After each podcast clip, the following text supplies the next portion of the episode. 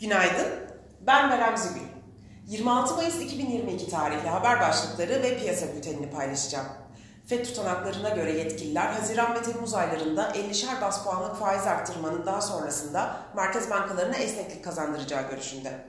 Türk lirası dolara karşı kayıplarını sürdürürken Merkez Bankası'nın bugün politika faizini sabit bırakması bekleniyor. Cumhurbaşkanlığı Sözcüsü Kalın, İsveç ve Finlandiya heyetleriyle görüşmelerinde Türkiye'nin güvenlik kaygılarının giderilmesi için somut adım istediklerini söyledi.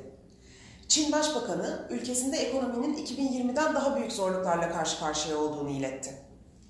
Piyasalara genel olarak bakacak olursak, pay piyasalarında FED tutanakları üyelerin çoğunun önümüzdeki birkaç toplantıda 50 bas puanlık faiz artışı konusunda hemfikir olduğuna işaret etti.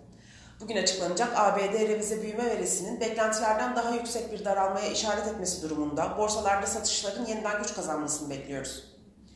Bugün yapılacak para politikası kurulu toplantısında Merkez Bankası'nın faizleri sabit tutarak mevcut para politikasını devam ettirmesini öngörüyoruz. Borsa İstanbul kapanışına göre ABD vadelileri sınırlı pozitif, Almanya vadelileri sınırlı negatif seyrediyor. Asya borsalarında negatif ağırlıklı karışık bir seyir var. Teknik analiz verilerine bakacak olursak, gün içinde 2406 ve altına gerileme trade amaçlı alım fırsatı, 2440 ve üzerine düşük hacimli yükselişler ise trade amaçlı satış fırsatı olarak takip edilebilir. Viyop tarafında ise gün içi long pozisyonlar için 2775, short pozisyonlar için 2837 seviyeleri zarar kes seviyesi olarak izlenebilir. Borsa İstanbul'un endeks kontratının güne yükseliş eğilimiyle başlamasını bekliyoruz. Kazançlı günler dileriz.